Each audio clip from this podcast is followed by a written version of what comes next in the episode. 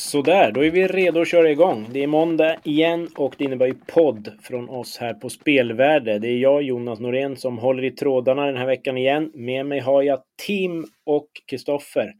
Vad säger ni om V75 Solänget då? Vad har ni för generell åsikt om omgången då som betalade lite drygt 8000 på 7 rätt? Ja, vi taxerade ju spelvärdet under medel på förhand och det, ja, det visade sig väl också att loppen var lite skiktade. Eh, det, det som jag tyckte var riktigt spelvärt och roligt på förhand, det var ju andra där och det tyckte jag ändå gjorde att omgången såg ut att ha lite potential, men i övrigt så, så hände det ja, inte så mycket. Ja, det var väl lite som, som, vi... som det såg likadant ut inför fjolårets omgång där när det gav 9 miljoner. Då var det också skiktat på förhand, men den här gången så, så blev det ju tyvärr låg utdelning. Mm. Det, det, är väl lite prägel på det på de här Norrlandsomgångarna ofta. Att det, är när det Allt eller inget lite eller? Ja, det, det, är lite så. Antingen så gör det 10 millar eller så gör det 3 lax eller något sånt där. Ja, vi börjar väl med V75 1 som sig bör då. Sju Castor och Star brakade till ledningen och eh, ja, sen så var det game over. Det var ju du som hade tippat det här loppet Hansson. Fanns det här, det här fanns med i leken, eller hur? Som ett av huvudscenarierna. Ja, ja eh, vi, hade, vi spelade ju med eh, ja, honom i A-gruppen och vi hade tre hästar i A-gruppen. Eh, jag tyckte att 12 Final Whistle var ganska rejält överspelad här så jag tyckte ändå att det A-gruppen var lite, ja, både väldigt stark och ja, A-gruppen som var Castro de Star, Maybeck VF och, och Melby Åker, att den både väldigt stark och att de var eh, rim, till rimliga procent också. 34 procent på Castro de Star var ändå inte något farligt sådär. Uh, så det var en fin spets och slut. Tagit alla sina segrar från ledningen och fortsätter att fungera väldigt bra därifrån. Där bakom då, sex Rollercoaster Ås, var den oväntat bra för dig eller? Nej, vi hade ju tvillingen där faktiskt. Eh, till 33, det var, det var, 33 gånger va? Eh, tror jag det var. Så att, det var ju eh, väldigt han... snyggt. Det var ju dåligt påläst av mig då. Men, ja, nej, men det, det var ju just scenariot där på ryggledaren och spets. Då, så de, det var ju huvudscenariot att det skulle sitta så. Och att Rollercoaster Rose hade ju sett, sett väldigt fin ut och var upprankad som femma i grundmaterialet också där. Så att, ja, inte otänkbart på något vis. Nej. Har Tim något att tillägga om V751? Jag måste säga att jag är lite allergisk mot de här voltloppen i, i brons och silver. Jag tycker att... Tycker nog någonstans att de loppen ska köras bakom bilen. Uh, det blev ju sån... Det blev ju extra mycket så den här gången när det blev uh, spårlottningen blev som den blev ju. Men uh, första 200 metrarna avgjorde i princip hela loppet. Det blev inte blir ofta inte så mycket körning heller efter att spetsstriden lagt sig i, i de här voltloppen på V7 tycker jag. Så att, ja, det var väl inget lopp som man kommer minnas. Nej, jag köper det. Jag skulle faktiskt vilja ha lite statistik på det. För det känns som att ledaren just i de här voltloppen med i ja, brons och silver, det känns som att spetshästen vinner otroligt ofta. Uh, vet inte om, jag, om det bara är en feeling eller inte, men ja, det, det känns så. Jag håller med. Mm. Uh, där bakom det, ett Maybach VF. Då, då intervjuade de ju Ove Lindqvist i tv efteråt och han, han sa väl, ja, han sa väl inte så mycket direkt, men sen när han, mikrofonen var på väg bort så sa han ju till tränaren att det lät ur halsen på honom. Så det kommer liksom med, fast det kanske inte skulle gjort det. Så det kan man ha med sig kanske, att den inte var på topp då. Så där. Nej. Ja. Så den borde ju ha kunnat bättre, eller hur? Den var ju ändå lite mm, väl seg. Den, den, var lite seg, även om den var färsk i klassen så tycker jag att den var... Ja, den kan bättre. Mm. V75 här hade ju du lite förhoppningar eh, Hansson om att det skulle hända något i omgången. Vad, vad säger du om utfallet och hur du tänkte på förhand? Eh, ja, vi hade en A-grupp på Jamaica Boko och Heavens Pace eh, och sen så bakom där Facing Life som högst upp i B och så hade jag även rankat upp Tinto 3 där som jag tror han var femma totalt, hade rankat honom precis före Olli Håleryd där. Jag tyckte att det var den roliga storskrällen i, i loppet då, till strax under en procent. Så att eh, vi hade ju med Tinto 3 tidigt och det, det, såg ut att kunna gå rätt länge. Eh, så att det, det var väl inte helt eh, fel i analysen där. Facing Life tog sig ju förbi till slut, men eh, ja, det var en, en skaplig skräll då, men man hade ju inte tackat nej till en 72 så det. Nej, verkligen inte. Vad tyckte du om favoriten Olli Hållryd då? Uh, nej, jag tyckte att den gick ungefär som väntat. Jag, jag förstod inte riktigt varför den var så enormt... Uh, alla tyckte att den var otroligt bra förra gången, verkar det som. Uh, det är klart att hon var bra. Jag, jag gillar henne. Jag tyckte hon var jättebra den gången före när man satt på helstängt. Uh, man har bara gjort sex starter. Uh, Startsamarbeten var osynad. Det lät inte som att... Eller jag snackade med Ove där så lät det som att man kanske inte vågade köra med helstängt. Nu blev det öppet också. och Och ja, alltså hon gick ju helt okej. Okay. Eh, hon, hon, är väl kanske lite bättre än det där, men det är inte så att hon har hon var överlägsen det här motståndet på förhand heller tyckte jag. Så att eh, hon var överspelad. Till, till hennes försvar så får man väl säga att det blev, blev riktigt kallt där när Mats Djurses häst där gick knappt framåt i, i tredje spår. Så att eh, det blev ju väldigt kallt för henne när hon tvingades ut i rygg på den också. Men eh, jag håller med, den var, ju, var jäkligt överspelad. Absolut, han, han, men ändå, han hade ju... Ja, det, det är också en, en, grej som man behöver väga in då när en så här stor favorit. Är att det var ju Ova Lindqvist. Det är ju, han är ju en klart duglig kusk men han är ju inte Örjan Kihlström. Så att det är ju också en aspekt som eh, man måste väga in och ta rätt beslut till loppen. Så. Mm. Han kunde ja, ha gått fram hade han trott mer på henne så hade han väl gått där också i, i känslan. Mm, precis.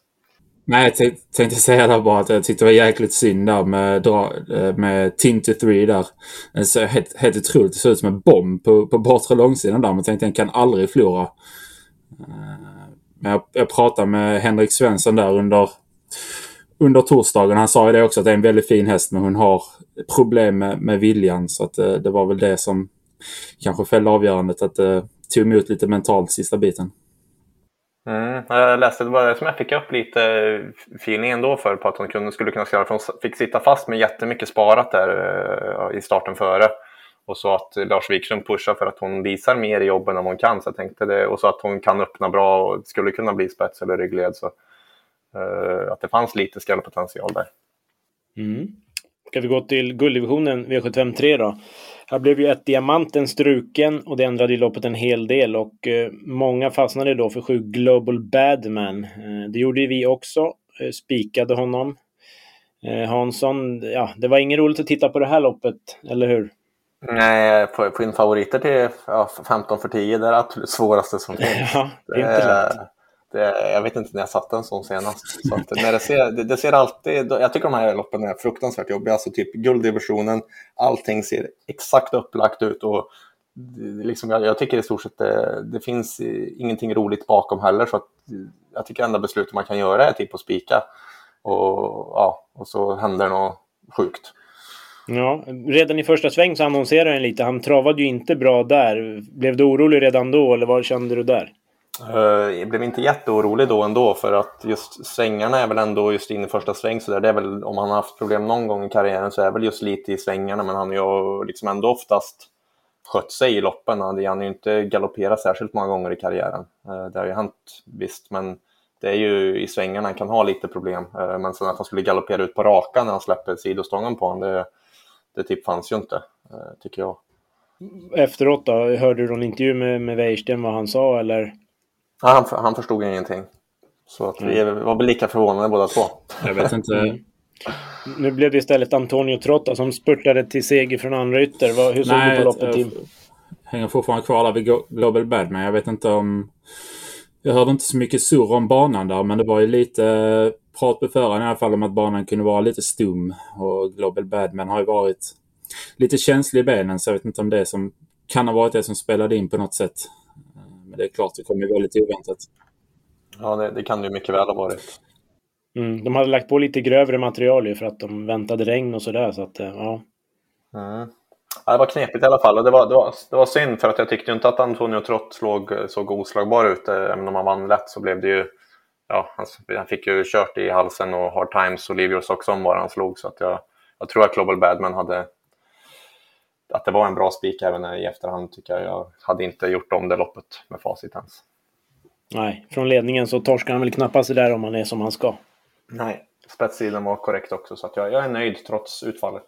Mm. Hard Times var väl ändå positiv som fyra får man väl säga? Ja, eller om man ska se det till att många var väldigt dåliga i loppet. Jag, jag, han var ju positiv får man ju säga för hans del, men jag vet inte ändå om man ska dra så stora växlar av det. Och vi vandrar vidare till kallblodsloppet V754. Det var jag som hade tippat det. Eh, jag hade Bragesson som spetsfavorit då. Och eh, ja, det, det, var, det är ju en jäkligt fin travare som bara hade missat platsen en gång då innan det här. Och just ledningen, kanske bestämma en bit. Då, då tyckte jag att han skulle vara större favorit än vad som var fallet. Nu fick han ju bestämma också, 29 första varvet, men det räckte inte ändå. Eh, han kom bara fyra och ja, jag hade väntat mig mer i alla fall av Bragesson. Eh, vad säger du Hansson? Hade, vad, vad säger du om Nej, jag, jag, jag, trodde att han skulle vinna det där. Eh, jag vet inte om det är så att han är lite sprinterbetonad eller vad... Ja, men samtidigt kan köra så långsamt så det... Ja, jag vet inte. Eh, det kan ju vara så att man underskattar den här förmågan, men Ulf Olsson lät så jäkla säker innan liksom på att ja, senast kunde han ha fortsatt 500 meter till utan bekymmer och han hade ändå vunnit 8 av 10 över medeldistans innan så att, och 9 av 10 från ledningen. Så att ja, varvet kvar, då trodde man att han skulle bli väldigt svårslagen, men nej, han packade ihop. Det var en klar besvikelse. Ja, jag var faktiskt jätteförvånad. Eller ja, med, med när det blev så, han fick köra så passande att han ja, inte ens var på pallen. Nej. Volt hamnade ju bra på det då. Tilläggshästarna stod ju 40 bakom och inte 20 som brukar vara fallet då. Men han hittade, visst var det tredje ytter. Så gjorde han jobb under slutrundan och så var han bara starkast då. Det, hårdhet, hårdheten kanske fällde avgörandet men eh, ja, nej, besviken på Bragesson får man säga. Mm. Tim då? Eh, har du nå, hade du någon reflektion över kallbloden? Ja, men de är, det är så jäkla, jäkla knepigt med de där loppen för att eh, känslan på förhand var väl att det skulle bli många hästar i vägen för volt. Men sen blev det istället, jag vet inte hur många galopper det var, men det var ett gäng galopper. Ja, precis. Det var ju mycket galopper. Det löste sig bättre än väntat, verkligen. Mm, så att det, det påverkar loppet extremt mycket när, när ett gäng hästar försvinner. Eh, men det är klart, jag håller med. Jag hade också väntat mig mer av Bragesson där. Eh, så mycket annat var det väl kanske inte att ta med sig från det här loppet. Eh, en sån som Björlifanne, den har jag jagat och vi också en del på spelvärde då. Men det är så här, den får ju... Den spurtar ofta bra i skymundan, men det är väldigt sällan som det, den får till det fullt ut och det klaffar. Men formintryck i alla fall och någon gång så ska den väl kunna trilla dit i högt odds, men, men kanske inte i ett V75-lopp. Nej, den är, den är väldigt svår att få alltså, men, den ja, är ju, men den, man gillar ju den ändå för den går ju bra. Eh, precis. Ja, och står i höga odds. Och, men, ja, det, jag pratade med Nathalie, Nathalie Blom innan och sa att det är en ängslig och svårkörd häst. Liksom. Och hon har sagt till ägarna att prova en annan kusk men de säger nej, nej, fortsätt, fortsätt. Så, ja, vi, vi, får väl se om det kan eh, trilla dit någon gång i alla fall till högt odds. Mm. V755, där hade vi omgångens bästa spik nummer ett, King Kennedy Tim. Du var mm. regissör för det här. Hur, hur tänkte du innan och, och vad säger du om utfallet? Nej, men jag... Det är, det är ju en orutinerad häst, bara gjort sex starter, men jag hade verkligen gillat vad jag sett av honom innan den här starten. Uh, gjorde ju debut på V75 men gick ju ändå ned i klassen. Hade ju varit ute med ett väldigt bra treåringar här de sista starterna. Uh, så att jag... Ja, men jag hade väl lite feeling för att han skulle kunna hålla upp ledningen där också, även om det var väldigt svårt för i första med framspår. Uh, så han kom ju till ledningen. Och eh, jag får väl ändå säga att jag hade rätt goda förhoppningar. Sen har jag inte sett om loppet nu. Så att jag skulle helst vilja göra det innan jag jag, jag ger något utlåtande för hur jag tyckte han var men jag, jag det, han fick ett par tryckar längs vägen. Det blev kanske lite för mycket för honom. Han är lite grön också. Eh, men samtidigt, ah, jag tyckte ändå det såg bra ut där ut på slutvarvet så att jag... Jag hade väl hoppats att han, han skulle hålla undan det får jag säga. Jag tycker mm. ändå att det blev väldigt tufft för honom ja, med, med dubbla tryckare där i början och, och sen så skulle han ut och, och köra till för att överta sen på en bana som inte var kanske jättelätt och bara dansa undan på och sen så... Nej, jag, jag jag, jag, tror att han hade ja, varit i, i striden om det, de inte hade fått så jäkla tufft i början. Mm, ja, det, det, är möjligt mm, att jag, jag är lite hård också när jag själv håller honom, håller honom så högt. Men äh, det var en onödig tryckare han fick där av när Lexington gjorde. Ja, det blev, det blev så lång körning där. Uh, så att, och sen så Knuttesting är ju inte jättekul att ha på utsidan heller. Så att, uh, ja, jag, jag, tycker ändå att han får fullt godkänt. Ja. Ja, jag är inne på Hanssons linje. Han höll väl ändå fullgott får man väl säga. Ändå tre år och inte så rutinerad och så ett par körare på det. Så att, eh, eh nu var det Knutte Sting då, som kördes fram av Magnus och Ljuse mitt i loppet till utvändigt ledan och så sen var han bara starkast till slut. Eh, barfota runt om och bike. Visst är han obesegrad fortsatt med den komben om jag inte minns fel va? Visst är det så? Mm, det stämmer.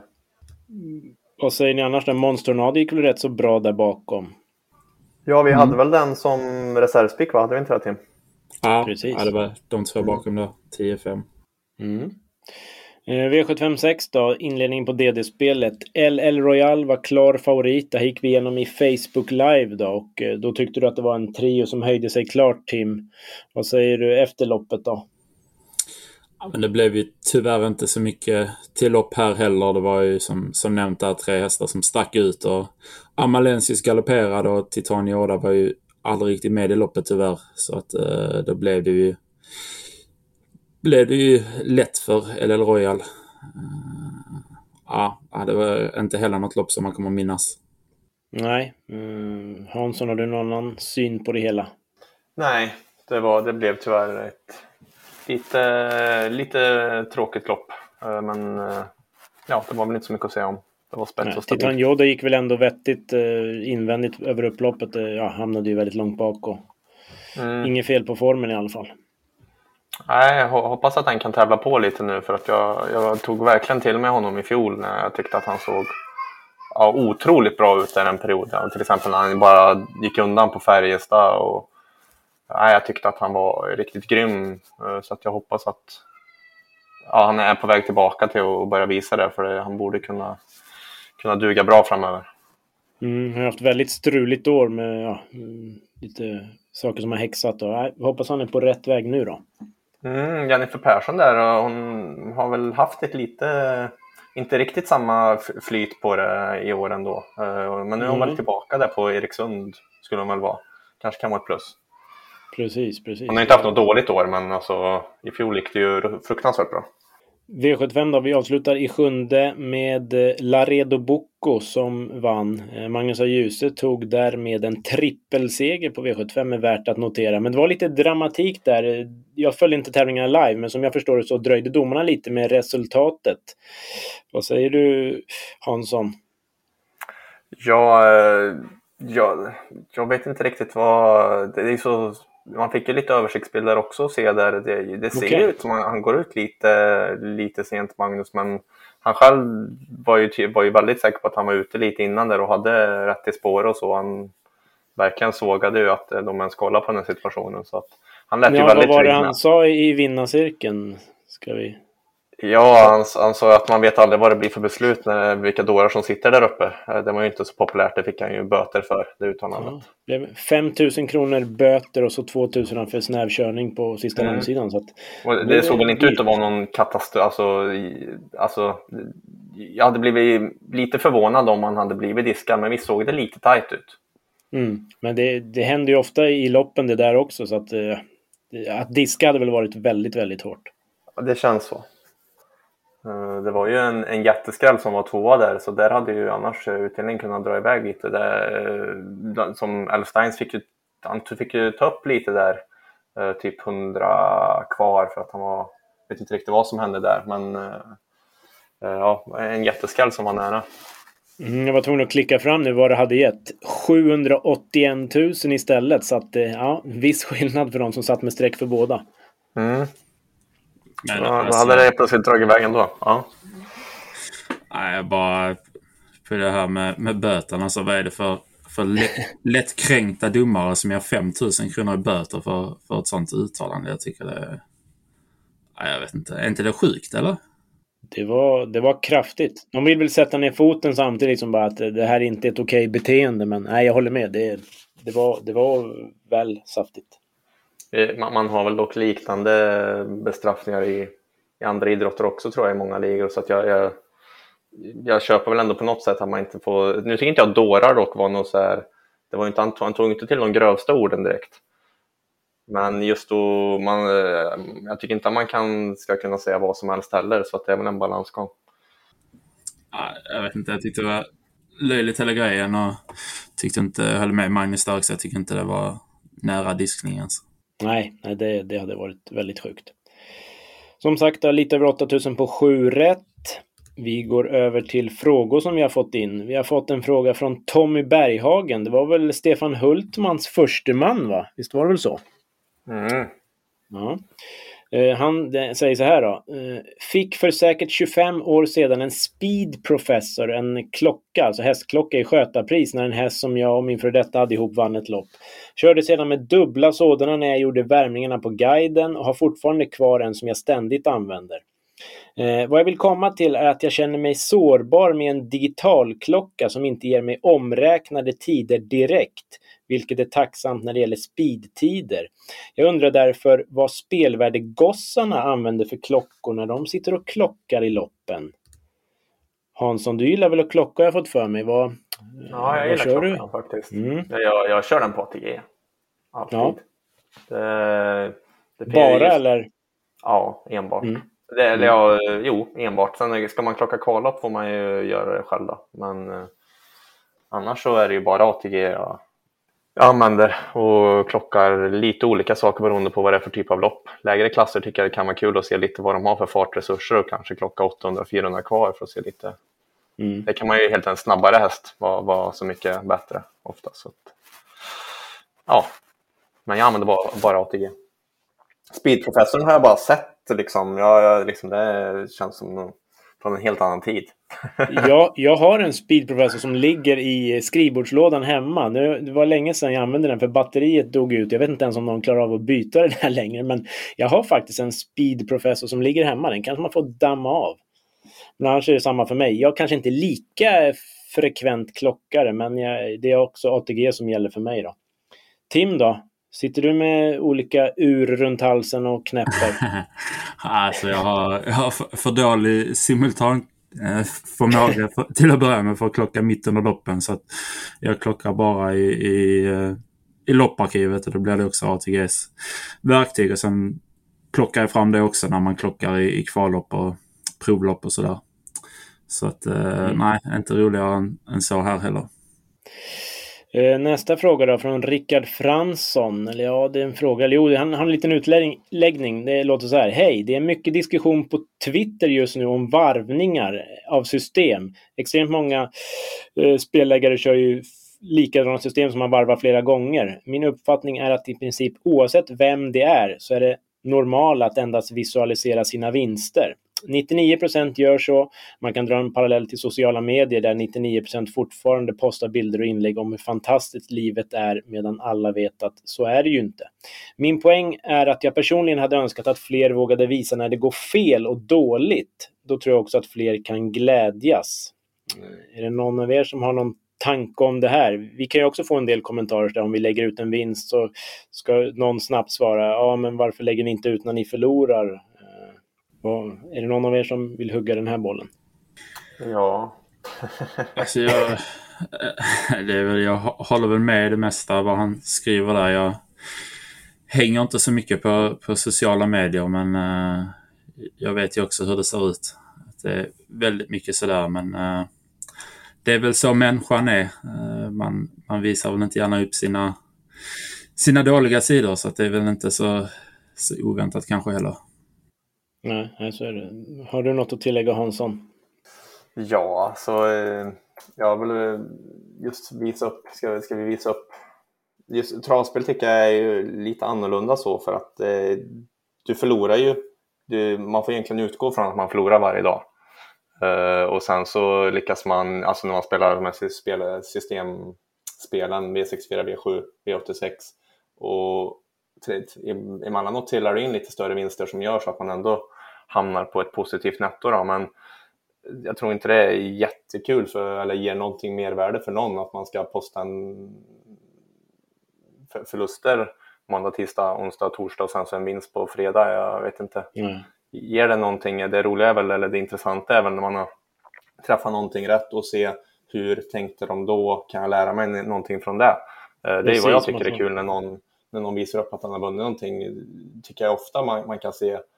Eh, ska man ta till exempel en kollega som Olenklint där som jobbar på både Överodds och Ronden. Han har träffat några kuponger ibland eh, som jag kollar på. Jag tycker att de ofta är eh, ja, men, strecken är väldigt väl avvägda i loppen och det sånt tycker jag man kan ta åt sig och försöka se vart man själv tog två hästar för mycket och gjorde att man inte hade råd med den där fjärde i ett annat lopp.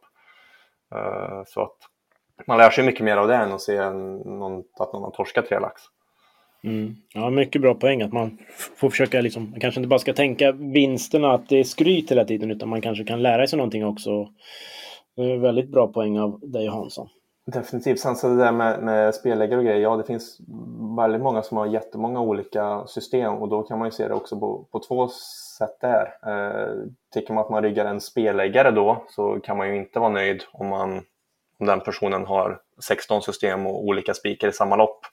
Eh, det är ju, ja, då, då riggar man ju inte den personen direkt. Men sen så kan man ju också se det som att en butik även tillhandahåller, den lägger upp olika system för en kund så får kunden välja vad, vilket system den tycker ser trevligt ut eh, och det är vilket den vill vara med på.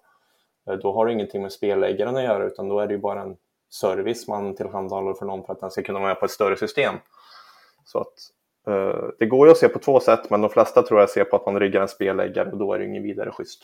Nej, alltså det hålla på med olika spikar och det där, det, nej, det, det förstår jag inte riktigt hur man kan. Det, då är det ju bara sälja och provision som gäller liksom. Det, ja, ja. Det, men ja, det beror ja, jag tycker man, det är de två sidorna man kan ha, men de flesta som köper in sig i ett system på någon tror jag tycker och tror att den riggar den personen då, den speläggaren, och då blir det ju mm. givetvis jävligt fel.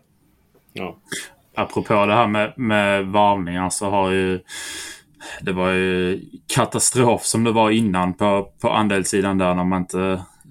Kunderna hade ju, hade ju ingen aning alls om hur många gånger systemen lämnades in. Nu går det i alla fall att se hur, hur många gånger som är maxantalet så man har ju som kund i alla fall eh, möjligheten att se så att man inte köper ett system som är varvat 38 gånger eller vad, vad det kan vara.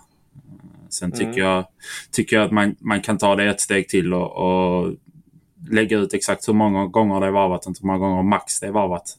Eh, för att man kan inte se det som kund hur många gånger det är varvat utan man kan bara se maxantalet. Mm. Men det är i alla fall bättre Sen, nu än, än tidigare, får man ju säga. En annan funktion tycker jag också är att man, de skulle kunna lägga till så att de ser hur, typ hur många slag spelläggaren faktiskt har. Eh, det finns ju gott om folk som har ja, mellan 15-20 stycken eh, V7. Det kanske är vettigt ändå för, för kunden att veta det. Ja, men absolut.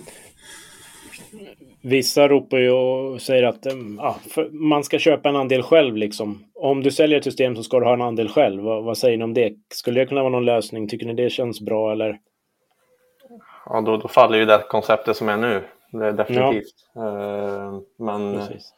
Tycker väl inte heller riktigt att det ska behöva vara så för att uh, alla är ju inte, vad ska man säga, det ja, men vissa butiker och sånt här, jag menar de som gör systemen där kanske gör en ja, men gör fyra system för Coop på en mindre ort, ska de behöva köpa andelar i sina system då? Jag vet inte. Eh, jag, menar, jag, jag, jag, jag har ingen större ja, det... åsikt om saken, men jag, jag, jag, tror inte det funkar riktigt. Jag, jag tycker det viktigaste är, är transparens. Alltså om, om det, det, hade kunnat stå om, om köpläggaren har köpt, köpt in sig eller inte. Det hade ju kunnat vara en, mm. en variant. Mm. Uh, jag hade också uh, inte haft något emot om de hade lagt ut på varje lag hur mycket det gått plus eller minus senaste året eller, uh, eller senaste halvåret eller något sånt där. Det förstår man att de inte, inte vill göra för att det är ju fler lag som går minus än som går plus. Men, uh... mm, då kommer det ju bli så att lag tas bort hela tiden och sen startas om. Så att då kommer de att jobba så för att komma runt det. Säkert. Men, men så mycket info som möjligt till kunden, det är ju bara bra liksom. Så man kan göra ett val baserat på all fakta som finns. Men det där gillade jag, att man, man bara ska kunna se en funktion så här. Spelläggaren har köpt in sig. Det, det plus hur många lag spelläggaren har tycker jag känns som en... Verkligen. Eh, två jätteplusfunktioner. Får vi hoppas att ATG lyssnar här så kanske vi kan hjälpa dem på traven med lite extra funktioner. Klonken har en fråga också. Eh, för personen som spelar för 150 kronor på V75 varje lördag, tror ni det är mest gynnsamt i längden att köpa en andel från någon av alla söndervarvade andelsbolag? Apropå det här vi var inne på. Då. Vissa spelare har dessutom 35 till 50 olika system en dag, skriver Klonken inom parentes. Det låter ju totalt galet, men ja, det kanske är så. Eller ska man lägga eh, de här 150 kronorna på en Harry Boy? Tim, vad har du för råd till Klonken? Harry eller varvade andelssystem? Vad var det för, vad var det för val man fick? ja, det är... Jag, jag, kolor eller? ja, jag, jag hade ju rekommenderat att va- varken köpa andel i något lag som är söndervarvat eller någon som, som något system som är inlämnat in 50 gånger så är det ju... Ja, eh, det, jag hade inte rekommenderat att köpa, köpa in sig i något sånt lag. Jag hade väl inte rekommenderat att köpa en Harry Boy heller, men... eh, Kanske någon spik-Harry då, tänker jag. Att man väljer ut typ tre idéer. Två favoriter och någon, och någon riktig, ja, mer skrällbetonat. Och så får Harry sköta resten. Kan det vara något där, i sådana fall? Jag skulle vilja slå ett slag för att man gör ett WIS-system på Joker. Mm. Eh, Då, eh, jag tycker ändå att det känns som en mycket roligare grej än att lämna in en Harry för 150 spänn. Då får du ju... Ska du förklara Eh, vad det är bara för de som inte vet kanske? Ja, det är en, en funktion som, eh, som Joker-system har kommit med. Att man, man får... eh, Den blandar lite av eh, rankingar som, eller tar från rankingar hos eh, lite tipstjänster som TR Media bland annat har då, eh, och sen göra ett jokersystem av det. Eh, så att jag tror att man har betydligt chans, större chans att träffa på ett sånt när man faktiskt får lite vettigt rankingunderlag eh, och dessutom en joker än att eh, köpa en Harry. Vi kanske, är kanske ska säga det också att det är ju det är långt ifrån alla, eller det är till och med en väldigt liten minoritet som är sådär söndervarvade av, av andelsbolagen. Så Ja. att det finns ju väldigt många bra spelläggare och ryggar också tycker jag på, på ATGs andelssida. Och det finns ju exklusiva system som bara ska lämnas in en gång också. Så att, eh, och det är ju tydligt markerat ska det ju vara. Jag tycker ju generellt att det är en väldigt bra grej eh, med andelssidan. Sen eh, finns det ju som, som sagt då förbättringspotential, men jag är- finns ju själv där och jag tycker om det mycket så att jag... Ja. Finns både plus och minus med, med upplägget. Ja, det, du, du är plus 400 000 typ på en månad ska vi nämna där så att jag, det är faktiskt värd att kolla på. Ja, det är snyggt. kan vi nämna i förbifarten. Precis. Liten parentes. Jo, vi, innan tävlingen då som vi avslutar med så kan vi ta lite kort. Det har varit två större lopp som har avgjorts också. I fredags var det Europaderbyts final. Det blev Ideal du Pomo som segrade då före Easy No Good Am. Vad, såg, vad såg du i det här loppet Hansson? Hur såg du på Europaderbyt? Jag såg en väldigt bra vinnare. Eh, Verkligen. Jag har ju inte haft superkoll på de, de, den här franska kullen så att eh, jag tyckte att hästarna var lite luriga. Jag kollade lite fort igenom hästarna. Jag tyckte att det var lite lurigt att, att sätta in dem mot varandra så att jag, jag var, vad ska man säga, en, en ja, hade inga intressen, spelintressen i loppet utan tog det ganska lugnt och eh, vinnaren var ja, överlägsen får man säga. Så att, eh, spännande fyraåring. Vad, vad tyckte du om tvåan i mål då Hansson? Stefan P. Petterssons Easy No Good Am?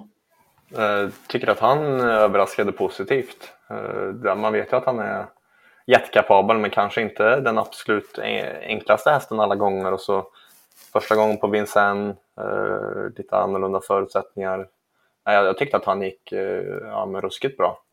Eh, överglänste ju Kentucky River och Nugget Zone med marginal. Så Verkligen. att, eh, Det, gick inte jättebra för de andra svenska ekipagen. Uh, något, Åsa hade ju var ryggledaren men stumnade. Hade väl rest dåligt som jag förstod det då på Marcus Lindgren. Eh, Kändes väl inte som hans förutsättningar riktigt heller kanske med Vincennes och vanlig vagn och var lite skit i banan tror jag också var lite... Ja, det kändes inte som att det var Nej. hans lopp där. Kentucky River tyckte jag väl var, var jag mer besviken på, men Nordström körde kanske lite optimistiskt också. Han låg ju tredje rätt länge och Mm. fanns ut i tredje igen efter att ha kommit ner. Så att han körde väl som att han hade kanske lite bättre häst än han hade, men ändå att han var slagen lite, lite väl tidigt kanske. Eh, och sen då under lördagen så avgjordes det här VM-loppet i, borta i USA. Eh, ja, vad ska man säga? Cockstyle vann. Snacka om att ha nio liv alltså. Det känns som den bara reser sig hela tiden. Men alltså den hästen, är, jag, jag dömde ut honom för typ ja, men två år sedan nu. Det, det, det, det är över, det går natt. Tjänat en del deg sen dess. Ja, jo, så jag inte. Helt otroligt vilken häst det är. Ja, O- ovanligt att de är så. Mm. Ja. Men snackisen blev såklart hemska drivningen från kusken då som, vad hette han, Vincenzo della Nunziata eller något sånt. Men ja, nej, den var inte vacker att se. Jag hade knappt tänkt se loppet, men när man gick in på Twitter där lördag kväll så var det svårt att missa. Det låg ju klipp överallt. Man fick se den här hemska drivningen sista, sista halvvarvet. Det var inte kul att se, verkligen inte. Usch. Nej, man undrar ju bara utan att utan att anklaga någon så undrar man hur, hur en häst som var totalt stenkall där i, i förra starten som dessutom inte var länge sedan kan vara så bra när han rest över halva världen. Ett, ett par veckor senare, det, jag vet inte. Det, det känns ju kallt hela det där VM-loppet och jag fattar inte hur. Verkligen. Fattar ingenting. det, det, det, är ett, det är ett märkligt lopp med så otroligt högt i första pris och sen så ja, klassen på loppet är ju ja, det är väl som ett vanligt eh, ja, bra lopp i, liksom i guldlopp i Europa under sommaren. Ja, han fick ja. ju stryk av eh, landsmannen där, Sakon Gio, ett par, veckor sen, eh, ett par veckor innan. Men det var ju otrolig skillnad på de hästarna det här loppet. Så att, eh, ja. Det var väl bra träningsrundor där de, de sista veckorna eller någonting. Måste ha varit så. Men då så, då har vi bara tävlingen kvar. Inte så bara kanske. Vi ska väl dra... Förra, förra veckan hade vi en vinnare när Giant Superman var rätt svar. Vi sa ju aldrig vem det var förra veckan. Emil Nordqvist eh, har fått in eh, klippkort där på, på spelvärde så att han kan gå in och eh, läsa våra förhoppningsvis eh, fina analyser. Och förra veckan då, då hade jag tagit en tävling som Eh, har jag kvar den motiveringen? Jo, den lät så här. Sto som vann hälften av sina starter och tjänade strax över 4,5 miljon. Tränades av samma tränare hela karriären. Tvåa i Storchampionatet. Penningmässigt största segern i Storsprinten. Vi fick in några rätta svar och eh, Bengt Stjärnström gissade på Vamp Kronos och det stämde ju väldigt bra. Tog ni den grabbar? Nej, jag gjorde ju inte det, men Nej. Eh, jag gillade ju verkligen Vamp Kronos. Jag blir lite så här, mm. fan, den kanske man borde ha Borde ha kunnat. Vad grym Ja, verkligen. Då får ni en ny chans nu då. För veckans tävling, den eh, lyder så här. Läcker travare som tjänade över 5,5 miljon och tränades av två olika tränare. Inga små namn. Eh, hade penningmässigt sina största framgångar som tvåa i två storlopp. Det är tyst som i kyrkan. Ja, jag försöker faktiskt tänka här nu. Läcker travare. Ja, alltså flott typ mm. skulle man väl säga, men mm. det är ju mm. min uppfattning. Ja, jag förstår. Mm. Man har skrivit det några gånger i sina texter. Exakt. Ja, men nu finns det lite att fundera på i alla fall till eh, under veckan. Och tavling spelvarde.se är mejladressen dit som man kan skicka in sina tävlingsbidrag. Men då tror jag att vi är nöjda så va? Vi har fått med lite av varje. Då laddar vi för en ny härlig travvecka då med V86 och V64 och så V75 som vanligt lördag och på fredag så snackar vi upp ett lopp live då 15.00. Så tills dess får ni ha det så bra så hörs vi.